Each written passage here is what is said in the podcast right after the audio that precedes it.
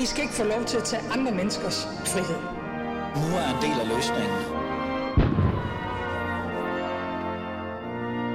Gud bevarer Danmark. Ja, Gud bevarer Danmark. Velkommen til, kære lytter. Det er blevet tid, uh, tid til at høre Alis Fæderland. Mit navn er som altid Ali Amin Ali. Nu skal vi høre, vi hopper direkte ind i den her debat, den her samtale, vi reelt set skal have i dag. For der står to meget vigtige gæster foran mig. To vigtige, vil jeg mene, i hvert fald uh, i forhold til det borgerlige Danmark. Vi skal snakke om dansk økonomi, vi skal faktisk snakke om vækst, men vi skal tage det fra arbejdsmarkedsperspektivet. Øhm, lad mig bare stille det spørgsmål, vi reelt set skal forholde os til, kære lyttere, og det er også mine to gæster, der skal i dag. Dansk økonomi er kommet stærkt ud af coronakrisen. Virksomheden tørster efter arbejdskraft, topøkonomerne udtaler sig om, at der er millionvækst i 2022, osv. osv. Og Dansk Erhverv og en masse politikere, de appellerer til, at der skal handles. Vi mangler den her arbejdskraft. Virksomhederne tørster efter det. Vi skal, vi skal finde det nogle steder. Men hvor skal det egentlig komme fra? Pernille Vermund, formand for Nye Borgerlige. Du er i studiet med mig. Velkommen til. Tak. Den her arbejdskraft, som der bliver talt så meget om, det er jo også noget, du har blandet dig i. Hvor skal den komme fra? Jamen, den kan jo komme mange steder fra. Vi har både ledige i Danmark, vi har en stor offentlig sektor, hvor der er mange medarbejdere, som burde være beskæftiget i det private i stedet for det offentlige. Og så har vi jo gudskelov også muligheden for at få international arbejdskraft ind til virksomheder, som øh, søger specialiseret arbejdskraft, som vi ikke selv kan levere i Danmark. Okay. Morten Messerschmidt. Det var jo meget simpelt. Du er formand for Dansk Folkeparti. Hvor skal den arbejdskraft komme fra? Jamen altså, det er klart, hvis vi taler om specialiseret arbejdskraft, og der kommer en eller anden hjernekirurg fra Indien eller USA eller sådan noget, som kan noget helt unikt, så er det da super fint. Altså, det er ikke noget problem med. Men vi har jo mange danskere, der mangler arbejde. Altså, vi har mange ældre borgere, der ikke kan få et job øh, på grund af nogle, tror jeg, nogle strukturer på arbejdsmarkedet, der gør, at man bliver valgt fra. Øh, vi har unge mennesker, der ikke kan få en læreplads, en praktikplads. Øh, vi har nogle folk, der indtil for nylig har været ansat i øh, de her test jobcentre, som øh, som øh, nu skal ud og finde noget andet at lave. Og jeg synes, man skal sætte danskerne først. Altså, det er sådan lidt mit mantra, øh, der går igennem alle, øh, alle øh, de politiske områder. Og derfor er jeg jo både dybt forundret over den model, som regeringen har fremlagt, øh, hvor man øh, ned fra Afrika kan tage det første og det bedste fly med Ryanair ikke, for en 5 euro eller sådan noget, så komme til Danmark. Øh, men også af den, de andre borgerlige har fremlagt her, hvor man godt nok skal lære nogle lande fra, men hvor man så åbner for nogle vilkår, som jeg synes slet ikke hører det danske arbejdsmarked til. Godt. Det var Morten, øh, Morten Messerschmidt, formand for Dansk Folkepartis ord i forhold til, hvor vi skal få den arbejdskraft fra. Og vi har også, som jeg sagde, Pernille Vermund, formand for Nyborgerlig i studiet. Men kære lytter, øh, I er jo også vigtige, fordi de kan stå og tale om, hvor den arbejdskraft skal komme fra, men det er jo i virkeligheden jer, der er arbejdskraften. Så det, jeg går rigtig, rigtig meget op i i dag, det er, at jeg vil gerne høre jeres input, og især jer, der også ser med på 24 øh, på Facebook-side live, jeg vil gerne høre, hvad, hvad I synes. Hvor skal den her arbejdskraft komme fra? Og så er jeg særlig interesseret i at høre jeres historier. Hvis der er nogen derude, som selv søger arbejde, som har problemer med at få et job, som reelt set er fanget af det her, eller er enige i, at det her job kommer ikke bare i morgen. Vi bliver nødt til at finde det udefra. Del jeres kommentarer, eller del jeres historie, fortæl hvad det er, og I er også velkommen til at stille spørgsmål herinde. Og i øvrigt, det var jo Facebook Live-lytterne, eller seerne hedder det jo så jer andre, der lytter med, I er velkommen til at stille øh, spørgsmål eller skrive ind på 92 45 99 45, 92 45 99 45, som altid. Så lad os komme i gang med den her samtale.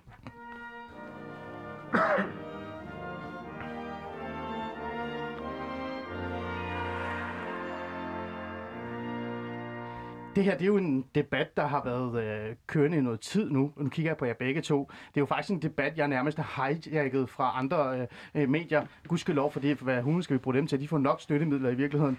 Øhm, jeg Ej, I får det gerne- vist også lidt her, ikke? Ja, ja, men ikke, ikke så meget som dem, vel, Morten Mess, men nu lige slap lidt af her. øhm, men det er jo et, et vigtigt spørgsmål for mig. Det her det er jo et holdningsbordet program. Det kan jeg lige godt bare lige sige højt. Det ved I to også godt. Men også til jer, kære lyttere. Jeg har jo selv har også haft en holdning til det her. Og jeg er faktisk meget ambivalent, når det kommer til her. Fordi vi mangler den her arbejdskraft. Men der er også nogle andre ting på spil. Der er også nogle danske værdier for mig. Men det kommer vi lige ind på senere. Fordi jeg vil gerne holde fast i den her øh, bekymring, der er i virkeligheden for dig, Morten Messerschmidt. Mm. Fordi jeg vil jo ærligt sige, at jeg kan jo godt forstå øh, Pernille Vermunds intention eller idé. Det her med, at der mangler arbejdskraft, og det skal komme nu. Ellers så, så rammer vi ikke den her vækst. Vi kommer til at have et problem. Øhm, hvad er det, du er så bekymret for, når det kommer udefra? Altså først og fremmest, hvis jeg skal forholde mig til den model, Værmund har fremlagt, så handler det om, øh, om øh, beløbets niveau. Altså, øh, Pernille sagde før, det er højt specialiseret arbejdskraft. Det vil jeg gerne anholde. Altså, det vi taler om, det er folk, der får en løn på 30.000 om måneden, inklusiv pension. Men, og det er det, der gør mig særlig, særlig bekymret, hvor man kan afregne flere dele af lønnen, uden at skulle betale det ud i kontanter, altså i naturalier. Altså, hvor man kan lave ordninger med fri bolig, øh, fri kørsel, øh, øh, arbejds-PC, telefon og så videre, som så er en del af lønnen, hvor man så kan komme ned på, at den reelle løn måske så i virkeligheden kun er det halve. Og når det så samtidig er en fribillet til, at man kan tage øh, ægtefælle og børn med til Danmark, så tror jeg bare, det fører til løndumpning. Og når vi har danskere, som mangler arbejde, mm. øh, så synes jeg, det er en helt forkert måde at gøre det på. Du svarer bare, Pernille. Der er åben mikrofon ja, her. Ja, tak. Ja. Ja. Jamen, altså, det er jo simpelthen et fejlagtigt billede at tegne det her. Når vi taler om 360.000 om året, så er det 50 procent højere end mindstelønningerne i Danmark.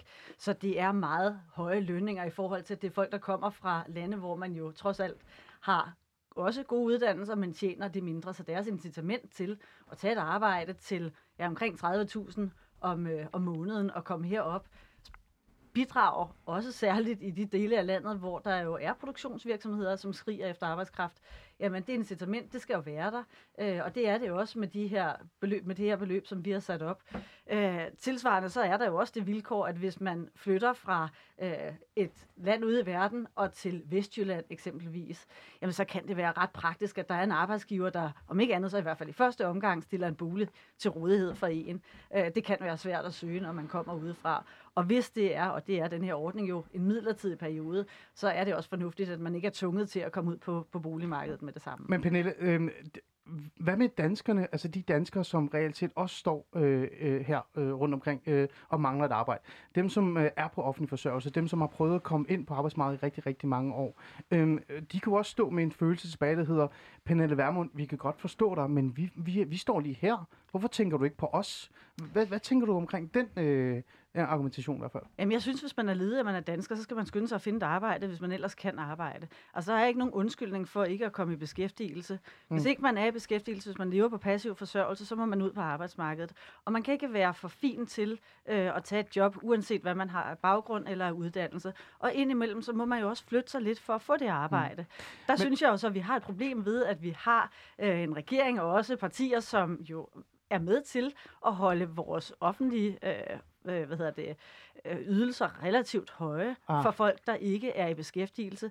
Vi har kontanthjælp, vi har også en særlig tillægsydelse for øh, familier, som er på kontanthjælp, hvor mm. cirka 70 procent af dem, som har fået den her tillægsydelse, det er indvandrerfamilier. Så der er et klart problem her. Jeg synes bare, man skal være opmærksom på, at det er jo mennesker, vi taler om med fagligheder, og det betyder jo også, at når man i særligt Vest- og Syd- og Nordjylland øh, har mangel på arbejdskraft i produktionsvirksomhederne, og også mangel på, nu siger jeg ikke højt specialiseret, men specialiseret arbejdskraft, det er typisk de tekniske øh, øh, uddannelser, hvor der ikke bliver skabt nok folk, og hvor folk ikke, efter de så bliver uddannet, er villige nok til at flytte sig, jamen så er der et behov for, at man, hvis ikke man skal sige nej til ordre, kan få noget arbejdskraft ind udefra. Mm. Men, så, men så, altså... så der er ikke nogen undskyldning for, at man som dansker ikke kommer i arbejde. Ja. Omvendt så er den ene dansker, der ikke er i arbejde, ikke nødvendigvis kvalificeret til det job, som man har brug for i Danfoss ja, eller det kan jeg godt se, hvad du mener, men, men man kan jo godt kvalificere dem i hvert fald. Øh, jeg ved godt, du kan ikke lige finde en ingeniør øh, i morgen. Det kan du måske godt nogle steder. Men, men til den dansker, og nu, når jeg siger dansker, så mener jeg også minoritetsetniske danskere, fordi med al respekt, de skal dele også komme i gang og komme på arbejdsmarkedet. Ikke? Mm-hmm. Øhm, men, men når du siger det på den måde, så lyder det også som om, det er deres egen skyld. De vælger selv ikke. Der er jo nogen, der fortæller om øh, historier til mig. Jeg er jo gammel socialrådgiver, der siger, at virksomheden er heller ikke interesseret i at ansætte os. Vi vil have ordentlige lønvilkår, altså lønvilkår. Vi vil gerne øh, reelt set kunne aflevere vores børn i daginstitutionen. Vi har nogle andre, altså en anden tilgang til arbejdsmarkedet. Og, og for virksomhederne, der er det bare nemmere at hente folk udefra, som ikke er vant til den der øh, danske krav til arbejdsmarkedet. Øh, hvad, hvad siger du til dem, når de klemmer der? Altså, hvis jeg skal være helt ærlig, så vil jeg sige, der er, som, som jeg sagde før, der er ikke nogen undskyldning. Det er ikke rimeligt at sige, at jeg lever på passiv forsørgelse, altså af andre menneskers penge, fordi jeg ikke vil stå tidligt op om morgenen, eller ikke kan finde en pasningsordning til mine børn.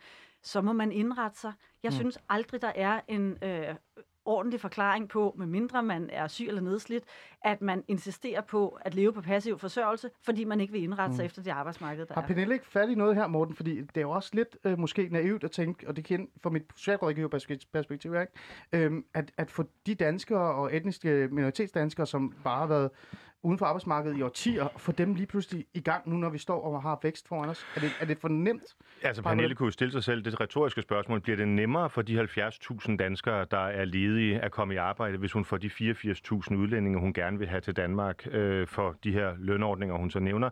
Bliver det nemmere for danskerne at komme i job? Det er bare svært ved at forestille mig. Altså, vi taler jo typisk om folk, som måske øh, har, har haft vanskeligt ved at fastholde tilknytningen til arbejdsmarkedet, og lige pludselig så kommer der nogle folk op, hvor man så kan øh, aflønne måske halvdelen af lønnen i fri bolig og alle de her andre madkuponger og hvad ved jeg, øh, sådan at lønnen kommer helt ned på måske under 20.000 kroner. Det er jo noget underligt noget at sige, at det sådan er for at servicere øh, erhvervslivet i forhold til at Men sikre, at jeg der er fri det- bolig. jeg synes Fordi faktisk, der er, jo ikke et noget, der, der er jo ikke noget, der forhindrer øh, en virksomhed at sige, at de kan købe en boligblok i, i store dele af Danmark, og så i Pernille, øvrigt du, øh, tilbyde den til deres Jeg, medarbejdere. jeg synes, det er et rigtig godt spørgsmål, for faktum er faktisk, faktum er, at til trods for, at vi får arbejdskraft ind udefra, jamen så er danske lønninger steget. Til trods for, at arbejdskraft kommer ind udefra, så er ledigheden faldet. Så der er ikke et modsætningsforhold. Det er jo ikke sådan, at altså, det er jo sådan en meget venstreorienteret tankegang, at vi har en kage, som vi bare skal fordele af. Der er et vis antal jobs, og dem skal man så dele ud af. Jo mere vækst og velstand, der bliver skabt i, Dan- i Danmark, jo bedre går det, jo flere penge ryger der i øvrigt også i skattekassen eller i statskassen, så vi kan øh, hjælpe de mennesker, der har det ringest. Men, men jo bedre, jo mere vækst og velstand der er, jo flere jobs bliver der også skabt. Så der er ikke et modsætningsforhold her. Tværtimod, det vi ser nu, det er, at der er virksomheder, som siger nej til ordre. Det betyder, at konkurrerende virksomheder i vores nabolande blandt andet, de får de ordre. Og det betyder også stagnation, eller i værste fald tilbagegang for de her danske virksomheder. Det kan vi da ikke sidde overhøre. At vi har også en offentlig sektor, hvor man i den grad, særligt når vi taler varme hænder, har brug for folk. Hvem er det, du vil sende ud der? Ja, det Der er, vil du sende, det der er vil du sende andet- nok- somalieren, som ikke nok- kan dansk. Ej, det vil jeg nok ikke. Altså, der alle vil jeg nok, øh, i som forhold til som taler vil jeg nok foretrække en svensker, eller en nordmand, eller en englænder, en tysker, eller hvad ved jeg i stedet for de folk, som du vil have ind. Fordi hvad er det for nogle lande, du åbner for her? Ja, det er Indien, det er Kina, det er alle mulige lande på den anden side af kloden. Altså, hvis man endelig skal se på udlændinge, mm-hmm. Mhm. som jeg overhovedet ikke synes skal være i de her øh, erhverv, hvor man har, har tæt kontakt med borgerne, for eksempel i den offentlige sektor, der synes jeg, det er vigtigt, at det er folk, der har en, øh, en dansk kulturel øh, baggrund af mange årsager. Men hvis man skal se på udlændinge, så er der 13 millioner arbejdsløse i, øh, i EU, øhm, og du har stadig ikke Hvor svaret stor, på... en, hvor stor en andel af dem, tror du, har samme forhold som en, stør, en stor del af de ledige her i Danmark. Der er naturligvis også både i Sverige og i Tyskland og andre steder en stor andel af dem, der er ledige, som er ikke-vestlige indvandrere med baggrund i MENAPT-landene. Præcis, og nu er der Og jeg endnu flere fra erkende- den i tredje verden jeg må i Danmark, erkende, jeg vil til endnu langt lavere hellere- lønninger, end der gælder for Jeg det vil almindelige langt hellere arbejdsmarked. have en thailandsk kvinde til at passe min mor, end jeg vil have en somalier, som er bosat i Sverige. Men hvad har med jeg. at tage en jeg- dansker, som jeg- bare bliver fravalgt, fordi vedkommende er fyldt 50? Ja, hvad er det for en dansker, der bliver fravalgt? Ja, der er de vedkommende? 20.000 danskere, som så går er... du ud og, og sørger for, at de Pernille, får jobs. Pernille, lige det burde jo være det letteste ja. i verden, Ja. ja. hvis der stod så mange velkvalificerede danskere i den alder, som ikke Jeg bliver kan få ofte jobs. kontaktet Afsted af med folk, dem. altså Det så sent som i sidste uge. Ja, det tager vi, og vi har faktisk også fået nogle øh, spørg, øh, hvad hedder det, henvendelser og øh, nogle kommentarer fra folk, som du taler om det her med, at der, der, der står folk derude i Danmark og, og virkelig gerne vil i- på arbejdsmarkedet, men de Ja. kan ikke komme ind. Men Pernille, jeg bliver lidt nysgerrig her. Øh, hvem er det, du så gerne vil have op? Fordi lad os lige få det med til vores lyttere, hvis de ikke har øh, fulgt med i den her debat, der har kørt øh, et stykke tid. Hvem er det, Nye Borgerlige giver lov til at komme til Danmark som øh, migranter i virkeligheden for at arbejde her?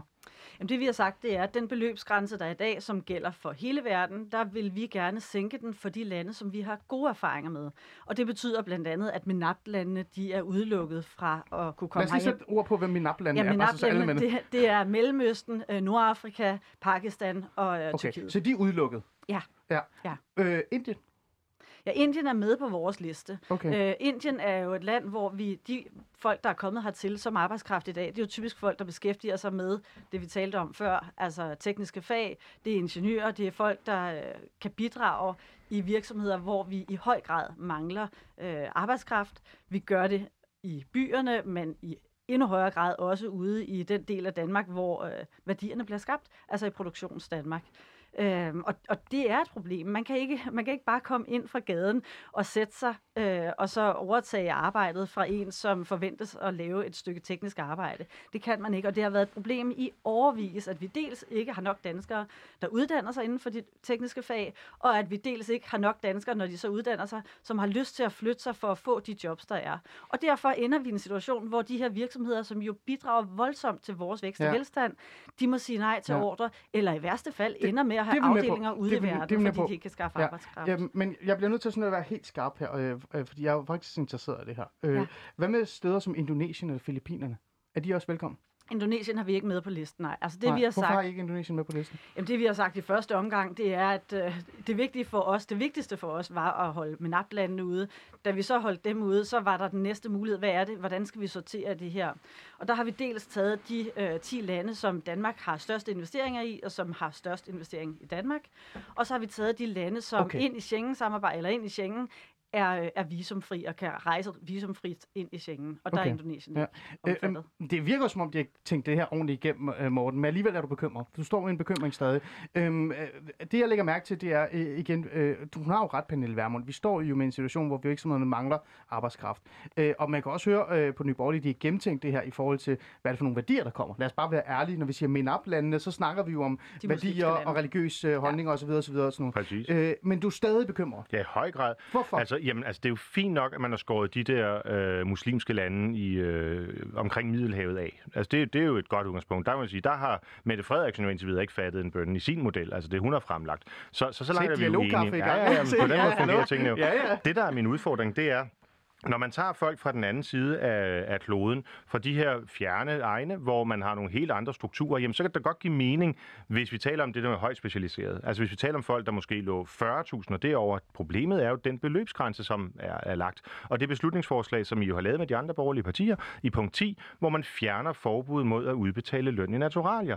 Det er jo en åben invitation til løntrykkeri. Og det er der, hvor mit problem opstår. Altså, hvor jeg synes, I simpelthen er kommet galt afsted. Fint nok, at I har fået lavet en jurisdiktion, altså en afgrænsning i forhold til lande, men at man går, går helt ned og siger, at det nærmest er sådan åbent, hvor lavt øh, beløbsgrænsen den må være, det giver ikke nogen mening. Og så vil jeg gerne lige slå et slag for det her med, med europæisk arbejdskraft, fordi det der jo er fordelen ved at tage for eksempel, nu behøver det ikke engang være vores sådan umiddelbare nabolande, skal vi sige en fransk mand. Jeg var i Frankrig sidste weekend. Der er to millioner arbejdsløse i Frankrig, som bare lige kan træde ind på arbejdsmarkedet, hvis de får øh, det rigtige tilbud. Det der er fordelen ved at tage nogen, der er relativt tæt på, det er et, de kender vores arbejdsmarkedsmodel, fordi vi i vidt omfang, det kan godt være, at ikke kan lide det, men, men i vidt omfang jo er reguleret efter de samme arbejdsmarkedsregler kvæg EU. Og for det andet, der er ikke så langt hjem igen.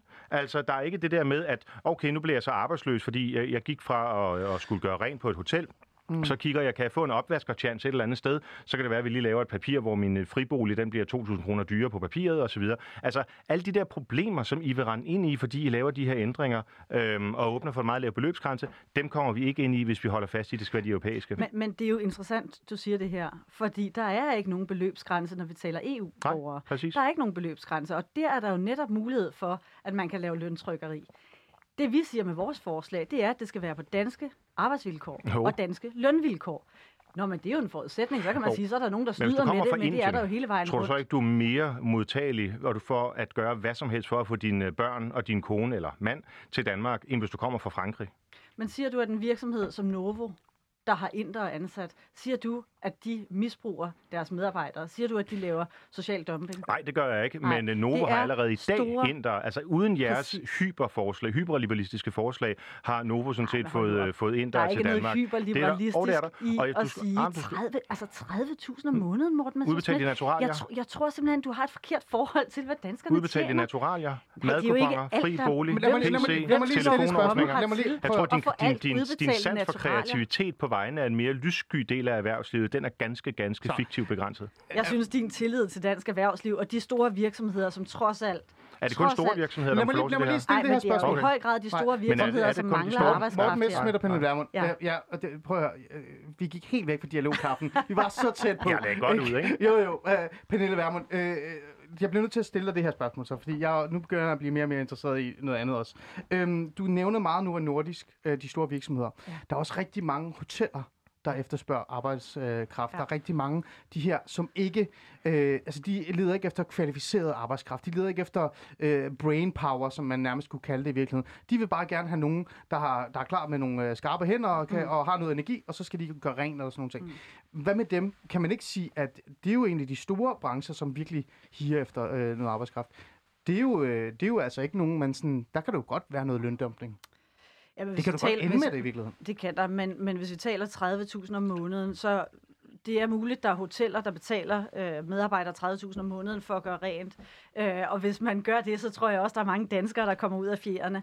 Altså, det er jo en, trods alt en relativt høj løn, og jeg har også respekt for, at man i Mm. restaurationsbranchen blandt hotellerne har øh, en ekstrem mangel på arbejdskraft, og de har jo, altså, de har jo virkelig været ramt af det, som Morten Messersmith nævnte før, nemlig at regeringen har, øh, hvad skal man sige, lagt beslag på en meget stor del af arbejdskraften i forbindelse med testcentrene. De får det forhåbentlig lettere nu, så det er et reelt problem. Mm. Men jeg tror, man skal noget længere ned, hvis man skal have folk til at komme her og gøre rent. Men du, men, 30.000 men du erkender det her med, at det er ikke kun Novo Nordisk, der står og brænder. Der er også en Ej, stor branche, der, altså, der som er, er, det, er de her, mange, for, øh, det er mange forskellige brancher, ja, men ja. dem der, dem, der har særlig store problemer, det er jo i høj grad, det er øh, industrierne, det er produktionsvirksomheder, og det er som sagt altså Vestdanmark, som jo er, øh, ja, Men det er jo dem, der, mangler, mangler, det, det er jo dem, heller der ikke- mangler mest arbejdskraft. Det er jeg enig i, men det er jo ikke fordi, der er vanvittigt mange indere, der kun er uddannede ingeniører. Altså, når, når, når der står en inder og finder ud af, at der er arbejdskraftmangel i Danmark, jamen, øh, så, er de jo lige, så er de jo klar på at komme op derop, ligegyldigt hvilken kvalifikationer de har. Kommer vi ikke til at have sådan en reel migrationsproblem? Det er fordi, jeg prøver virkelig at forstå det her. Øhm, som Morten siger, øh, for eksempel europæerne, de vil jo gerne hjem igen på et tidspunkt. De er Ja. en del af den europæiske kultur. De er her for at arbejde, mm. og så tager de tilbage til Frankrig, til Spanien og sådan nogle ting. Når der kommer en inder, der er langt tilbage til Indien, og også den løn, øh, hvad kan jeg sige, øh, niveau, man har vendet sig til, og den demokratiske forståelse og tilgang, man har i Danmark, det er sgu svært som indisk familie at sige, nå, nu røg det der, øh, du ved, øh, nu skal jeg hjem. Jeg Ja. vil hellere blive så. Ja, altså det, der ligger i vores forslag, det er, at man kan komme her i en afgrænset periode på op til syv år, og det svarer nogenlunde til, eller det svarer faktisk til forskerordningen, som vi jo har i forvejen. Man kan være okay. Her i op til syv år. Efter syv år, så udløber ens opholdstilladelse. Og hvad så? Hvad sker der så? Jamen, så skal man rejse hjem, eller til et andet land. Mange af de mennesker, som rejser rundt og mm. bosætter sig for at arbejde, mm. øh, det er jo folk, som så bor de et par år i et land, så bor de et par år i et andet land. Ligesom vi har danskere. Vi har cirka 250.000 danskere, der er ude i verden, og de arbejder for virksomheder, hvor de arbejder måske Okay. i øh, USA, så arbejder de i Kanada, i Australien, Japan, Kina, Ja. øh, og kommer rundt i verden. Og så sådan du kan forsikre, at de her. tager hjem igen. Du kan forsikre, Ja, at, at det er jo, det er ja. jo en forudsætning for, at man kan få den opholdstilladelse. Der Det er ikke nogen er- forlængelse liggende et eller andet sted? Nej, Det er det er, en midlertidig, det er en midlertidig opholdstilladelse, som man kun har øh, i de her syv år, præcis som med De, forskerordningen. Morten altså, de kan jo søge ophold efter alle bestemmelser i udlændingeloven, og vil jo på en helt anden måde, end da de ankom efter syv år, være i stand til at imødekomme tilknytningskravet.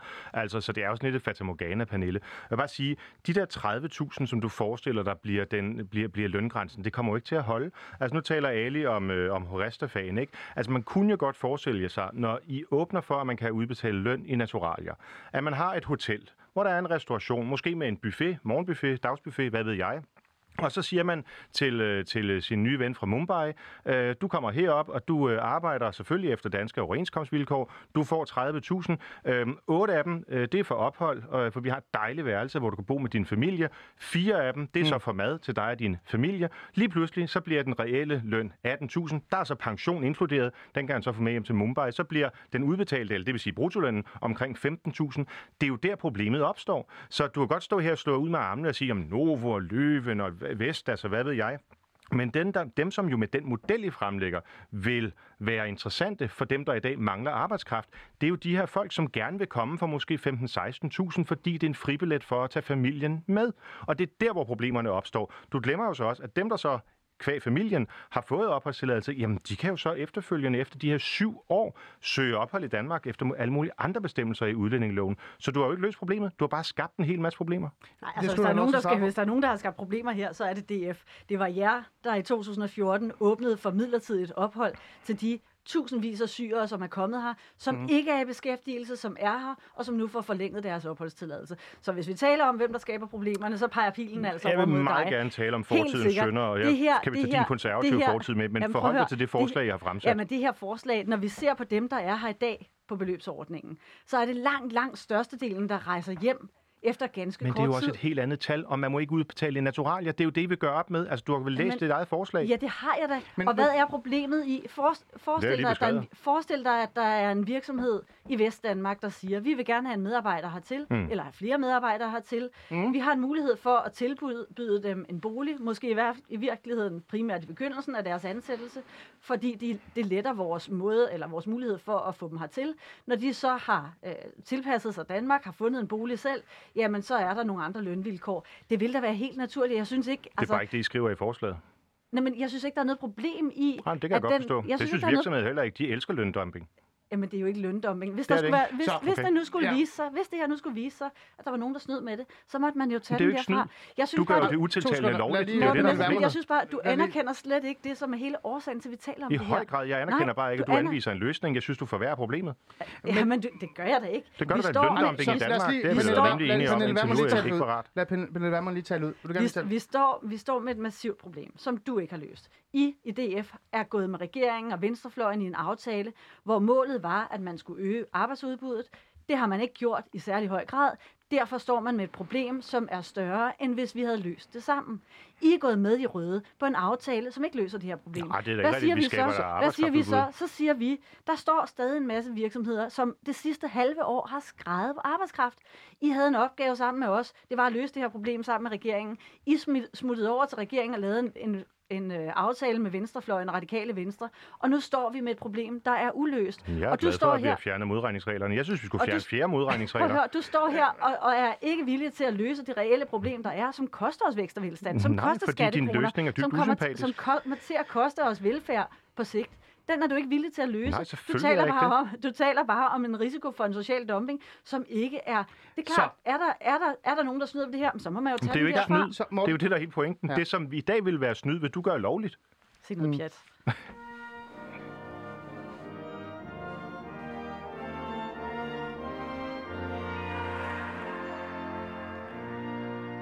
Du lytter til Alice Fæderland, og vi er godt i gang med øh, partilederdebatten, som virkelig er Morten Messerschmidt. Det er jo faktisk dit debut som partileder, er det ikke? Det er sådan en rigtig debat. Øh, Her i Alice Fæderland, Der er eller? bare sådan generelt. Kan du ikke bare sige ja, for så bliver Jo, jeg glad? jo, jo, jo, jo, jo, fremragende. det er det Sådan da, der. det er det da. Så er det på plads. Øh, jeg har, øh, hvad hedder det, Morten Messerschmidt, øh, partiformand for Ny, eller ikke Ny Borgerlige Dansk Folkeparti studie, og så har jeg Pernille Vermund, som er øh, formand for Ny Borgerlige. Og vi er godt i gang med at tale om den her arbejdskraft, der mangler. Den her arbejdskraft, som virksomhederne, dansk erhverv og så videre higer efter. Hvor skal den egentlig komme fra? Skal det være migranter udefra, eller skal det være danskere, som Morten Messerschmidt sætter ord på? Mm. Øh, nærmest, du har faktisk endda sagt danskerne først i Yes. virkeligheden, ikke? Ja. Øh, og det er det, vi prøver at finde ud af. Jeg synes faktisk, det har været øh, interessant, fordi I begge to er kommet med nogle rigtig gode begrundelser for, hvorfor I har sagt, som I gør. Pernille Vermund, du er mere tilbøjelig til at sige, at vi skal ind, hente international arbejdskraft. Du påpegede faktisk endda, endda over for mig, at det her det handler i virkeligheden om, om man er for international arbejdskraft eller imod international arbejdskraft i virkeligheden. Og Morten, du er øh, meget skeptisk, lad os sige det på den måde. Og du vil gerne have europæiske borgere til at tage de her øh, Ja, arbejdspladser. danskere først, og ikke? danskere først, Ja. men også europæer. Du siger også selv europæer. Ja, ja, ja, og jeg kan, altså Men hvis Morten, det, det er, det anerkender er du ikke ledigheden? Den er på Men- 2,5 men det- procent. Den er, den er på samme niveau som før finanskrisen, Mm. Hvor arbejdsmarkedet også var glohit. Mm. Anerkender du ikke, at der står nogle virksomheder derude, som må sige nej Absolut. til ordre? Anerkender du ikke, at de mennesker, som du vil have i arbejde, de tager ikke de jobs?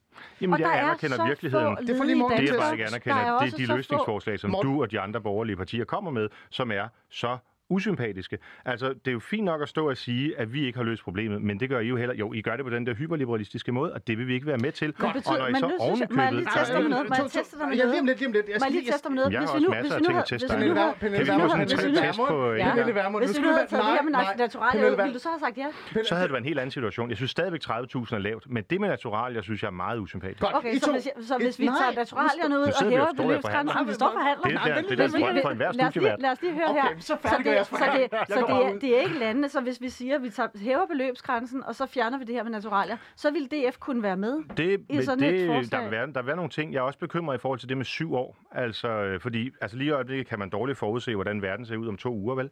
Så, så hvor er vi? Altså, kommer der for eksempel 10.000 ukrainere til Ja, det Danmark vi om kort tid. Det vi så er det måske lidt uh, ufedt, at vi har lavet en det jo- ordning, hvor du forpligter, eller du forpligter Danmark på at få 84.000 Nej, det, det, øh, ikke, ikke? det ligger så ikke over syv år, som Det- så skal være her syv år. Det vil sige, at vi taler 14 år frem i tiden. Altså, så, Ej, men, det men lig- det er da det klart, ikke hvis. Det, hvis der du kan få de det andre øh, øh, borgerlige øh, partier til at være med på at slække på nogle af tingene. Vi, vi bryder os jo ikke om den model, Socialdemokratiet har fremlagt. Den synes jeg er jeg vil nærmest endnu mere usympatisk, hvis jeg skal være helt ærlig. Okay. Det er så kulturelt og så videre. Jamen, Jo, det det er klart, hvis vi, de vil folk ind fra Marokko, Ja. ja. Algier og Ægypten, og hvad Ja. ved jeg. Ikke? Det, Det, det, det, det lyder som om, vi faktisk næsten kan trække Ja. DF med over i den borgerlige Men- men- opposition. Det efter- også være, at I blev trukket Men mere over i vores retning nu skal I høre efter, hvad jeg siger nu. Bare ikke lander i kløerne ved det røde. Nej, nej, prøv at Morten Messersmith. Det kan Jo, godt du gerne. er- Prøv at hvis vi kan ende det her med, at DF Det gør vi. Pernille melder sig ind i den borgerlige opposition efter så mange år, Det- så. hvor de har siddet på bænken med Mette Frederiksen. Men er vi så så det være. nu- slukker, jeg- nu slukker jeg for jer. Jeg har slukket for jer. Morten, jeg har slukket for jer, fordi vi bliver nødt til...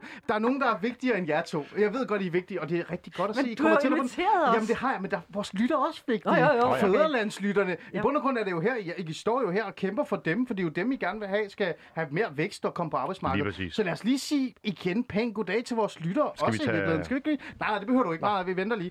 Øh, kære lytter, tak fordi I uh, lytter med, og I ser med på 24-7 uh, live Facebook-side. I kan jo se, vi er godt i gang. Jeg, jeg blev nærmest hijacket det her, fordi de gik i forhandlingsmode. Det er jo skønt. men, men før de bliver færdige og drukker dialogkaffe og sådan noget, så vil jeg bare gerne sige, øh, en fornøjelse at se, at I også deler jeres historier. Jeg vil faktisk tage nogle af dem op her lige om lidt, så hold fast, så skal I nok komme ind. Øhm, øh, så igen, bare tak for det. Det, jeg bliver sådan lidt øh, interesseret i, fordi lige før altså, jeg gik i gang med forhandlinger og sådan noget, men jeg bliver faktisk lidt interesseret i også det her med de der værdier der.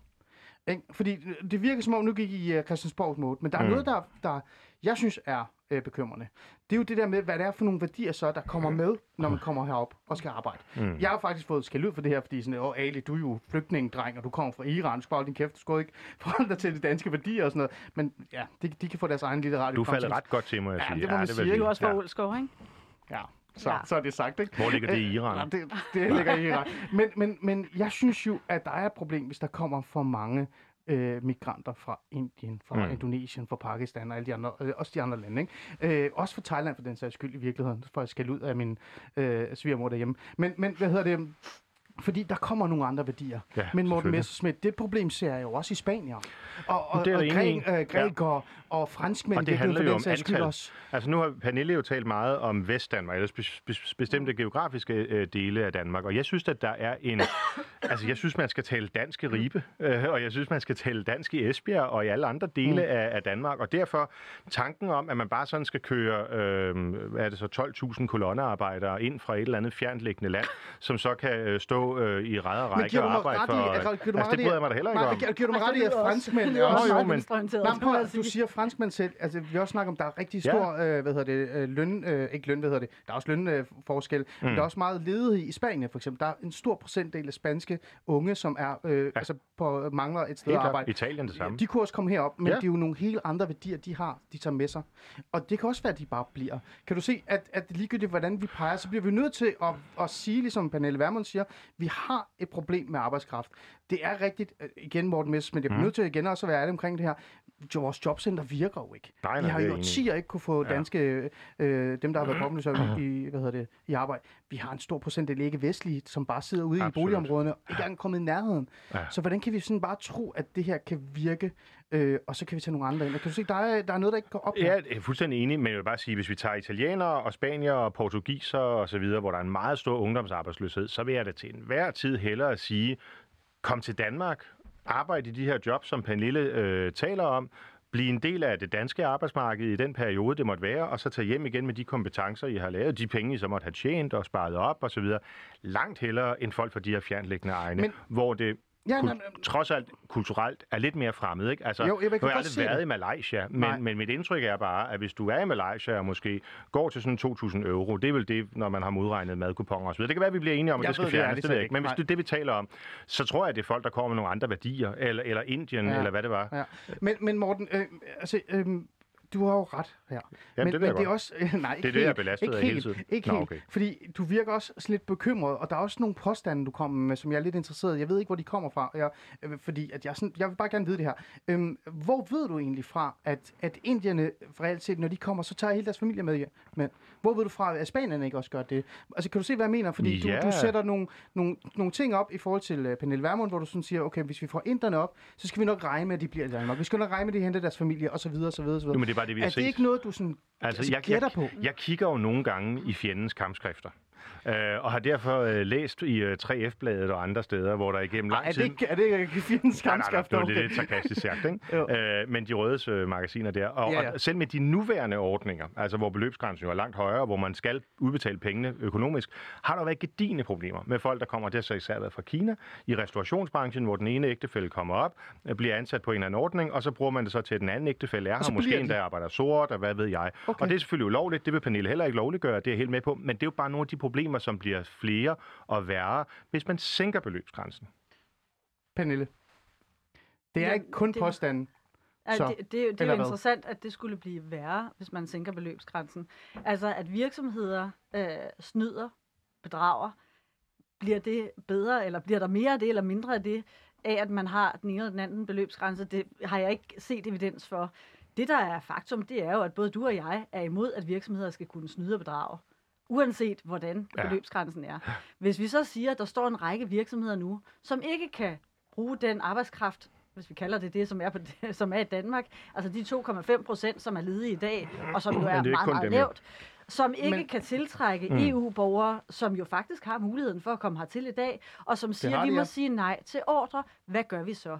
Så er vi, lyder det næsten til, enige om, man kan godt sænke beløbsgrænsen. Vi er så Mm. ikke enige om, om noget af det skal kunne udbetales i- naturalia. Vi er heller ikke enige om, hvad beløbsgrænsen skal være. Nej, Men så lad os der er meget, vi ikke er enige om Ja, men- Ja, okay, men, Men- men, men- før men- lød det som om, vi var enige. Pernille, jeg, at- jeg, synes, jeg synes jo, hvis man er borgerlig, så bliver man nødt til at tage det her alvorligt. Fordi det er jo ikke sådan, at vi, der går rundt i København og Storkøbenhavn og lever af vores pseudojobs og reklamebranche og hvad ved jeg, at det er os, der skaber var værdierne. hårdt. Jamen, det er lidt hårdt, men ja. det er jo derude, hvor lastbilerne kører. Det er ude i Produktionsdanmark, at værdierne bliver skabt. Mm. Og hvis vi taler om, om folk kommer hertil, og man taler øh, dansk i ribe.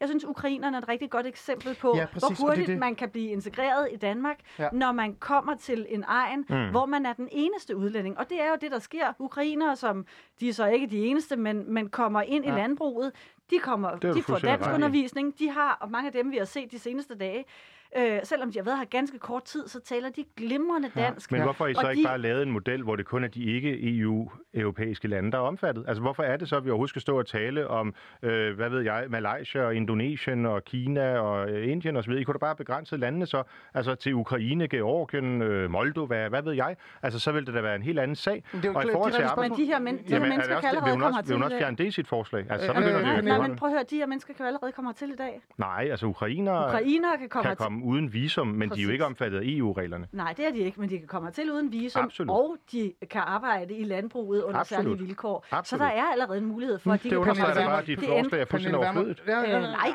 det gør Ej, det det var lidt hårdt ikke. sagt. Fordi Ja, det betyder jo stadig, at de virksomheder, som mangler arbejdskraft, de virksomheder, som mangler arbejdskraft, de har jo ikke fået det. Nej, Pernille, det der er- være, fordi Nej, nej, de visumregler, jeg der gælder, nødt til- de jeg giver den nødt samme tidsmæssige Ja, Morten, opholdstilladelse. Det har du, der, du har fat i noget der, men jeg Ja, bliver nødt det til også lige... Øh, nej, nej, men fordi jeg er begge to fat i noget. Jeg kan godt glemme det, fordi jeg, jeg, jeg er bare irriteret over, at I ikke bare kan blive enige om noget, så vi kan få styr på det, Det her er problem. da. Men det gør jeg lige Vi er i hvert fald enige om, at et element skal ud af. Pernilles forslag. Hallo, ja. Pernille, hvor, hvor mange skal egentlig op? Altså, hvor mange vil I give plads til?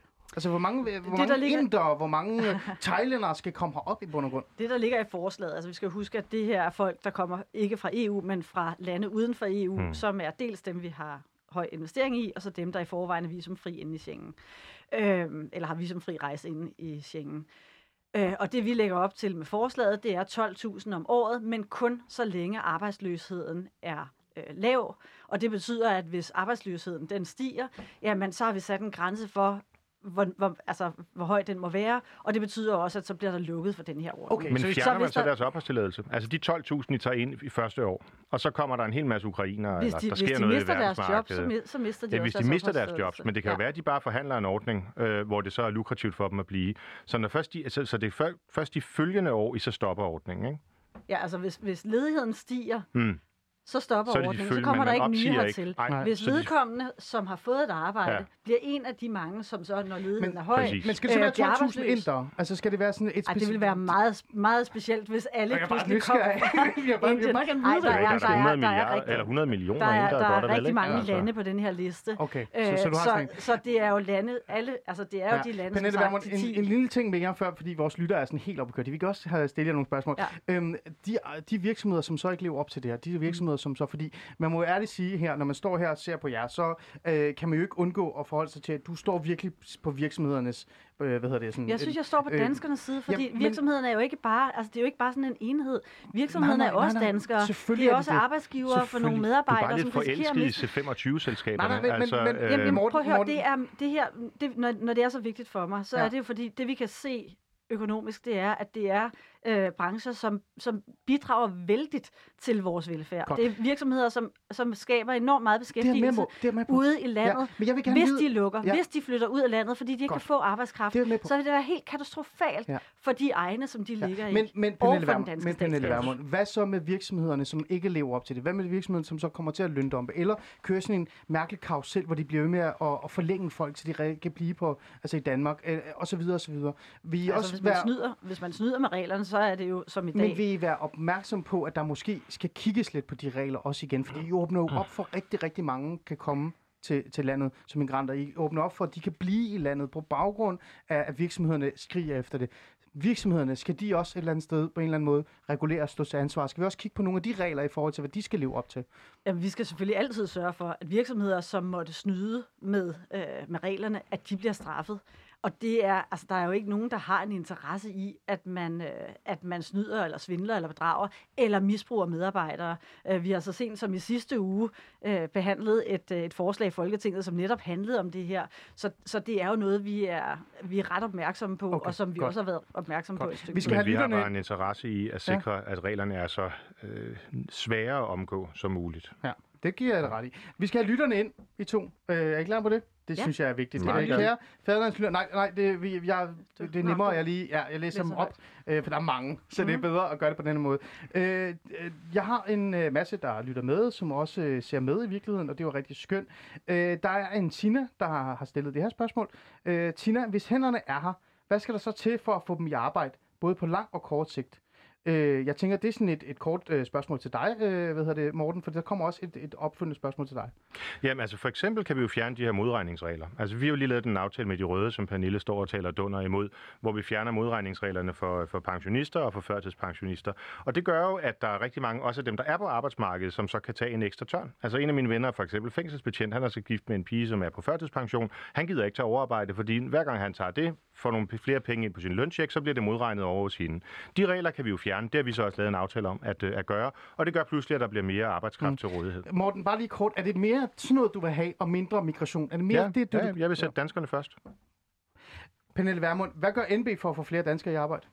Jamen, Det er vi, sammen, stem, vi, vi stemmer jo også for at afskaffe de her modregningsregler. Mm. Øh, så, så det er der gudskelov. Jeg tror næsten, det er hele Folketinget, der, er, der stemmer for det. Øh, men det er bare ikke nok. Det er desværre bare Okay. ikke nok. Og jeg synes jo også et eller andet sted, at man må anerkende, at som jeg sagde tidligere, et menneske er jo ikke bare et menneske. Altså, eller et, en, en arbejdskraft er ikke bare en arbejdskraft. Det er jo også mennesker, vi har med at gøre. Det er mennesker med forskellige faglige viden, med forskellige erfaringer. Øh, og, og de forskellige virksomheder har jo brug for folk, som har uddannelse og erfaring inden for specifikke fag. Okay. Og der kan vi altså der kan vi bare se, at der er ordre, som ryger til udlandet, Ja. som ryger til sagt, konkurrerende ja. virksomheder ude, Det er vi og det er om. problematisk. Ja, Men det der er problemet, det er, at den, or- det, det er sådan set både den ordning, der er i dag, og den, som I så vil øh, moderere, altså at den jo gælder alle erhvervsgrupper.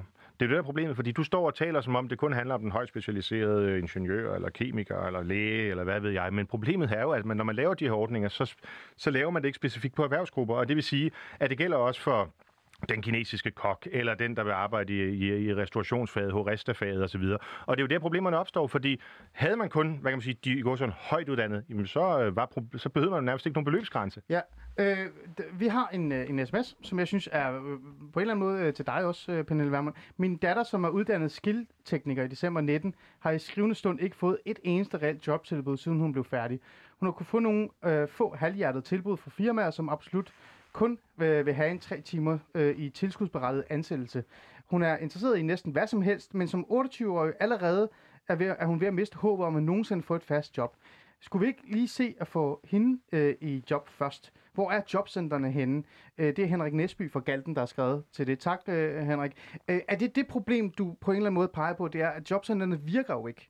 Vi har de her unge, øh, de her danskere, der er i arbejde, men de, vi kan ikke bare få dem i job i morgen. Det er derfor, vi skal have øh, folk udefra. Er det, er det reelt set problemet her, der bliver beskrevet? Nej, altså, det ville være en kæmpe gevinst at lukke jobcentrene uanset hvad. Det ville frigive, Det- det, ville Ja, frigive okay. ja, mange tusind medarbejdere, som i dag er beskæftiget Mm. mm. i jobcentrene, hvor de jo bare beskæftiger sig med at piske og plage danskere rundt i systemet. Mm. Det vil frigive dem til gode jobs i det private erhvervsliv. Så der kunne man jo starte. Mm. Det ville være en rigtig god, et rigtig godt sted at starte, både i forhold til at skabe arbejdskraft, mm. men også i forhold til at øh, Men er det ikke give også lidt noget til de stakkels mennesker, som bliver Er pisket ikke, rundt er det ikke også en, en uh, forlitterklæring, som nærmest på en eller anden måde, jeg er faktisk enig med dig i, omkring at jobcentrene er fuldstændig fejlslået og latterlige i virkeligheden, ikke? Men er det ikke også en forlitterklæring at bare sige, ved du hvad, vi har brug for arbejdskraft, men vi kan sgu ikke få det hjemmefra, for vi kan ikke finde ud af at, at sørge for, at folk kommer i arbejde, derfor skal vi hente nogen udefra. Er det ikke også en form for forlitterklæring over for Jo, man vores kan godt sige det, er, hvis, vi, hvis vi tager igen de tekniske fag, man kan godt sige, det er en forlidt erklæring, at vi jo har vidst, øh, al den tid jeg kan huske, jeg overhovedet har beskæftiget mig med politik, at der er for få, der for eksempel søger ind på ingeniøruddannelserne. Og at der er for få, der efterfølgende flytter sig til de steder, hvor man har brug for dem. Det kan man da godt sige er en forlidt erklæring. Så kan man spørge sig, skal vi tvangsfordele folk? Skal vi tvinge folk ind på uddannelser? Mm. Nej, det skal vi det naturligvis jo ikke. øh, Nej, det skal man nok ikke, men man kunne jo sige til de øh, virksomheder derude, der efterspørger for eksempel unge, faglært øh, arbejdskraft, at de skal gøre noget mere for de 6.000 unge mennesker, der står og mangler en praktikplads. Altså, det er jo helt vildt paradoxalt at sige, at øh, vi mangler øh, folk i den her arbejdsgruppe, men vil så gerne have dem fra Indien, samtidig med, at vi har øh, 6.000 unge, der ikke selv kan få en praktikplads. Altså, der synes jeg også, at erhvervslivet så måske lige må op så lidt øh, og sige, at, at vi prioriterer altså danskerne først, ligesom Men- jeg gør. men- vi kunne jo også vælge i forhold til modregningsreglerne at gå videre og sige, at Ja. vi fjerner også modregning på SU. Ja. Det har man gjort på podecentrene, øh, og så gør det bredt. Men- altså, jeg vil da hellere, hvis jeg bare lige må gøre den Ja, øh, sætning færdig, jeg vil da også hellere i restaurationsbranchen og så videre have en dansk øh, studerende, som så øh, kan ernære sig selv og måske tjene lidt ekstra og have lidt mere luft under vingerne, mm. end en eller anden fra, nu skal jeg nok være med at sige Indien, men, men så fra Ukraine. Altså, øh, Men jeg vil da hellere have det, dem på arbejdsmarkedet. uenige om. Men, men det er vi da ikke uenige om. Du har bare ikke dilemmaet, er bare, det. dilemmaet er bare, Du at vil I hellere har have den anden ordning. lavet en aftale med de røde, hvor I har lukket for de muligheder, der var for det her. Nej. I har lige lavet en aftale med Venstrefløjen og Radikale Venstre om, hvordan man skal øge arbejdsudbuddet, og som jo netop ikke har løst det her Men problem. Den lukker der ingenting, Pernille. Altså, vi, du og jeg kan da bare lave en aftale så om, at, at vi vil gerne i fællesskab fjerne modregningsreglerne for de studerende. Altså, hvis det er det, der skal til, nu har vi desværre ikke lige 90 mandater det øh, sådan i, til vores disposition. Nej. Men, men, men for det fungerer altså på den måde på Christiansborg, når man laver en aftale, så laver man en aftale, så mål for den. Men det udelukker da ikke, man kan lave andre Men aftaler. anerkender du ikke, at I har lavet en aftale med de røde og med Radikale Venstre, som ikke løser det her problem? Jamen, jeg Når vi vi overhovedet lavede står Jamen, og det løser, diskuterer det, det jeg er her, helt Der enig så i. er det jo fordi, her. så er det jo altså- fordi, der er en mangel på Ja. arbejdskraft. Vi har vidst det i månedsvis.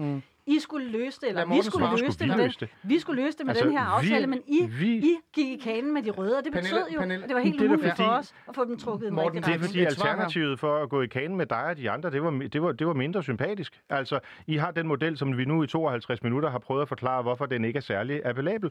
Og så er det klart, at når der så kommer nogen fra, fra den røde side, altså fra fjendens lejr, og siger, hey, skal vi ikke fjerne modregningsreglerne på, på folkepension og førtidspension? Det har vi altid i Dansk Folkeparti ønsket, så siger man, det vil vi da gerne. Det var der aldrig I kunne bare uenighed. være- I Det var der aldrig gået med. det var der aldrig I uenighed om. Det, der var uenighed om, det var, at man samtidig skulle belønne, og det var det, du sagde, fjendens lejr før, og man samtidig skulle belønne fagforeningerne, og man samtidig skulle sætte dagpenge op, og så videre, og så videre. Ja, de første I har- tre måneder for I de har- højtlønnede, sådan der I stadig er har lavet attraktivt en at være aftale, forsikret. som ikke har løst det problem, som var målet. Derfor står vi nu og diskuterer, hvordan kan vi få flere mennesker i arbejde. Så, nu slukker jeg lige for igen. Ja, nu slukker jeg igen. Nej, ja. Nej, men, Markedet løser ikke problemerne for dem. Morten, Morten, nu skal du, ja, vi kan blive ved i flere timer jo. Det, det, Jeg skal, er fuldstændig Ja. ja. Duracell-kanin. Ja, jamen, det kan jeg godt høre. Men vi skal lige have uh, lytterne med, for der er nogle gode ting. Uh, en af de kommentarer, jeg har lagt mærke til, der kommer allermest, jeg har uh, en lytter, som også har stillet nogle direkte spørgsmål. Hende tager vi lige om lidt, Miriam. Men, men, uh, uh, men, men det her spørgsmål kommer igen og igen, når man kigger på øh, nogle af de, jeg har talt med. Det er sådan lidt, øh, faktisk til dig, Morten Messersmith, igen. Jeg har jo faktisk kommet med det før. Er det ikke for naivt at stå her at tro, at vi kan få danskerne først på arbejdsmarkedet, øh, fordi at det, det, det burde vi gøre. Altså, vi har jo prøvet det i årtier, og jeg har jo selv været en del af øh, maskineriet. Det virker jo ikke, det løser jo ikke. Vi står med virksomheder, der skriger efter arbejdskraft. Vi skal have med på den her vækstboble, for ellers så har vi ikke penge til de velfærdsting, som du også gerne vil have. Det er fuldstændig så er det ikke for naivt at stå her og sige, vi lad os lige vente, og lad os lige bruge lidt tid på at opkvalificere osv. osv. Vil du ikke indrømme, at det er måske lidt for naivt? Ja, Nej, altså, jeg, jeg, der er jo ikke nogen, der benægter problemet. Altså, det, det er der ikke. Der er ikke nogen, der siger, at der ikke er virksomheder, der mangler arbejdskraft. Altså, jeg kender det selv. Vi skal til at rekruttere unge arbejdskraft ud af bakken nu, fordi vi åbner her til april. Og det er da sværere nu, end det var for fem år siden. Så det anerkender jeg da fuldstændig. Det, der er forskellen, det er jo, hvad for en løsning man ønsker. Og, og, og vi har en, et prioritet om, at vi gerne vil sætte danskerne først. Og vi har også nogle områder, hvor vi kan pege på det. Jeg har nævnt dem her. Ja. Modregningsreglerne, SU, førtidspensionen, pensionen, mm. øh, unge danskere, der ikke kan få en praktikplads osv. osv. Og hvor vi så siger, kan man lave nogle rekrutteringsordninger, som så øh, går i retning af vores nabolande, i stedet for at vi skal helt om på den anden side af jorden osv., så, så er det ligesom fase 2. Og først hvis vi skal øh, endelig ud i fase 3, så er det der, hvor vi begynder at kigge på tredje lande, og der vil vi sige, der er de vilkår, som de andre borgerlige partier har lagt frem, i hvert fald ret utiltalende, som de ligger lige nu. Nu kan jeg forstå, at de er under opbydning. Det er godt, så kan vi forhandle om det. Men det er den måde, vi har valgt at tilgå det her. Okay. Øh, Jeg tror du, der er nok, Morten Messersmith, talmæssigt? Altså, tror du, der er nok danskere derude, som er uden Altså for for, for, arbejdsmarkedet, som bare hurtigt kan træde ind? for erhvervslivet vil der jo aldrig være nok. Altså Nej, erhvervslivet nej, men vil nu snakker vi om altid... sådan reelt. Altså, tror Ja, du jamen, virkelig, jeg mener er det reelt. den første altså, bølge? Erhvervslivet vil jo altid drømme om et overudbud af arbejdskraft, fordi det er det, der kan holde lønnen nede. Altså sådan okay. er det jo bare. Og det er også derfor, jeg er bekymret, når man laver sådan nogle ordninger der, som er øh, meget aggressive i forhold Mm. til lønniveauer. Det er derfor, jeg reagerer på den måde, jeg gør. Jeg synes, man skal starte med de ting, jeg har nævnt her, Ja, og så jeg, se, synes, hvor jeg vi synes, er. det er så Men- men- virkelighedsfjernt. men- Og jeg jeg- synes faktisk også, Morten, jeg synes faktisk også, du skylder de danskere, som DF er jo et, de kalder et, hvad kalder I jer? Vi kan altså Et borgerligt parti med et socialt... blødt hjerte. Med et blødt Ja, hjerte, det er sådan, det er. Altså at have et blødt hjerte betyder jo også, at man har råd til sundhed på højt niveau. Lige præcis. Ældrepleje osv. osv. Hver gang virksomheder, og det er altså ude i landet, det er jo ikke kun Københavner virksomheder, det er ude i landet, det er derude, hvor folk ikke bare flytter til for at få en praktikplads, eller ikke bare flytter til, hvis de ellers har fået en god bolig i en storby. Jamen, hver gang de må sige nej til en ordre, så koster det. Det koster både dem, men det koster selvfølgelig også for den danske statskasse. Men problemet er, at din løsning så er at tage Bare de fremmede ind i Ja, landet. fordi vi har en ledighed, som er altså historisk Jo, lav. Pernille, Den er på niveau nå med at svare før på det. At svare på det. Vi har allerede i dag åbent for, at man både fra de nordiske lande og fra EU-landene kan komme hertil. Der er rigelige muligheder for det. Dilemmaet er, at de mennesker, der har mulighed for at komme hertil, og de er arbejdsløse ude i de, land, i de lande, de har jo ikke noget, nogen interesse Nu skal det. lige svare på de det. har ikke Har de det, det, Har der en kæmpe interesse? Jamen, Det har jeg ikke så lang tid Hvorfor er de her så Ej, nu skal du lige Ja, fordi- de er? fordi Morten, man ikke Morten har- svar på det. Vi har ikke så lang tid. Men, men du skal have lov til at svare på det her. Altså, for det første, hvorfor kommer de ikke? Er det fordi, der er nogle andre vilkår, der gælder i dag? Det er jo de vilkår, som I vil fjerne. Og hvis du mener, at det er mobiliteten, som er problemet, så kunne vi jo gøre noget ved det. Altså, vi har blandt andet fremsat et forslag om at lave tiltagszoner, hvor man så siger, at nogle af de områder, hvor det kan være svært at tiltrække arbejdskraft, for eksempel fra de store byer, hvor de færdiguddannede er osv., osv., jamen der laver vi så nogle mere lukrative vilkår. Det er måske lavere elafgifter, det er måske, at du får halveret din SU-gæld, det er måske, at du får en anden skatteprocent osv. osv. Det kan vi jo gøre. Vi behøver da ikke falde på knæ for erhvervslivet lyst til at have arbejdskraft fra Godt. den anden side af Vi kloden. skal lige have et Men sidste hvad er det, du spørgsmål. er bange? Nej, Altså, må jeg bare lige spørge, hvad, Nej, er det, hvad er det, du er Pernille. bange for? Jamen, jeg vil bare sætte danskerne først, og det er det, jeg er bange for, du Godt. ikke. Hvad er det, du er bange for, Det er det. når virksomhederne tjener lidt ekstra, når de skaber noget mere værdi for Jamen, jeg Danmark? er tosset de, med værdi. Når de har økonomisk vækst. Ja. Ja. Hvordan kan du være bange for det, du siger, at virksomhederne vil gerne have mere arbejdskraft? Ja, selvfølgelig vil det det, fordi det at sige nej til en ordre, er der brandærgerligt. Jamen, det er det da. Jeg brandærgerligt kender for det den enkelte virksomhed, Hun har fra fat i det. Det er da virksomhedens rigtigt. Det er medarbejdere. ikke, det, altså, nu du er jo ikke den eneste, der har Nu en telefonforbindelse til er du bange for? erhvervslivet. Jamen, hvad jeg er bange for? Ja. Jeg er bange for... en jeg er baggrund bange som for, selvstændig erhvervsdrivende. Jeg kan da godt regne det ud, har hvad jeg det sådan set koster. også. Altså, Jamen, så lad det da der- være at modarbejde. Jamen, det, jamen, lad da være med at undergrave det danske samfund, kunne jeg så svare Jamen, tilbage. sikke noget pjat. Der er Altså, der ikke nu- nu- modsætning Jamen, det er jo- forhold mellem nu, det nu, danske nu, nu. samfund Altså, og vi har kun to minutter og tilbage. Ikke, prøv at høre, vi har to minutter tilbage. Jeg skal ikke begynde det der, fordi vi er så tæt på dialogkaffe her.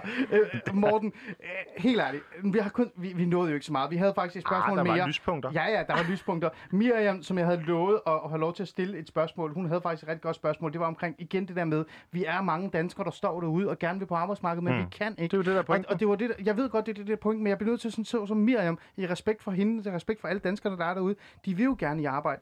Tror du oprigtigt, Marianne hedder hun, Marianne hedder hun, kan, tror du oprigtigt, at vi kan få dem i arbejde først? Meget, meget kort, Morten Ja, Messerschmidt. det gør jeg da. Altså, problemet er jo, at erhvervslivet bare går og håber på, at der kommer et politisk flertal for det, som øh, Værmund og Company foreslår, eller måske endnu værre, for det, som de røde øh, har foreslået, altså de radikale, Socialdemokratiet osv. Øhm, og så er der jo ingen grund til at kigge til Miriam. Altså, fordi hvis man kan få en eller anden billig arbejdskraft fra den anden side af kloden, hvorfor skulle man så øh, lige pludselig tage til at tage en dansker Så ind? Og det er jo det, der er problemet. Nej, Ja. noget. Pernille Vermund, Pernille noget Vermund her Der er til der ikke sidst. nogen virksomheder, der siger, at vi vil ikke ansætte en dansker. Vi går og venter på nogle Der er politikere, der mange laver danskere, der noget. har svært ved at komme i arbejde. Der er, alt for mange, der er alt for mange med ikke-vestlig baggrund, som ikke, bestiller, som ikke bestiller noget, og som vi kunne tage ydelserne fra i morgen. Det er vi da og det ville da nok få nogle flere på arbejdsmarkedet. Men det er jo ikke dem, der sætter sig ude hos Danfoss og andre steder Nej. og løser de tekniske De skal da opgaver, bare ud af landet. løses. Godt. Nu skal I høre, vi har kun 30 sekunder tilbage, så vi er nødt til at stoppe jer og så sige tak, fordi I overhovedet var med. Det virker som om, at I er uenige, men samtidig så synes jeg også, der er noget enighed et eller andet sted. Det ville være rart, hvis vi kunne få DF lidt tættere på den borgerlige Det- opposition. Det ville være dejligt fristet fri af Mette Frederiksens klør. Hvad- Jeg øh, føler mig overhovedet Morten, ikke fanget i nogen klør, men jeg vil sige, Pernille Vermunds klør har jeg i hvert fald ikke lyst til at være en del af lige her. Okay, interessant. Jeg kan Men ikke det kan regne... være, at de er blevet slebet lidt i løbet af udsendelsen i virkeligheden. Altså hvis det der med naturalier I to, bliver... I har været efter hinanden rigtig meget, også i, i de offentlige medier. Kan vi ikke bare aftale en lille smule, I sætter ned, få en kop kaffe omkring det her, for det er rimelig vigtigt. Men vi drikker masser af kaffe. Ja, vi Pernille har, helt vi har, ja, jo, jo, jo, jo, jo. Vi drikker masser af kaffe. Godt. Nej, jeg mener hvad? det helt seriøst. Det vil jo også for dansk erhvervsliv være fantastisk. Ja. Lige om lidt kan vi have et borgerligt flertal. Hvis DF er med Godt. på Pernille at løse Vermund, det her problem, så vil det være godt. Kære lytter, tak fordi I lyttede med. Vi nåede ikke mere. Nu er der tid til nyheder. Min fornøjelse.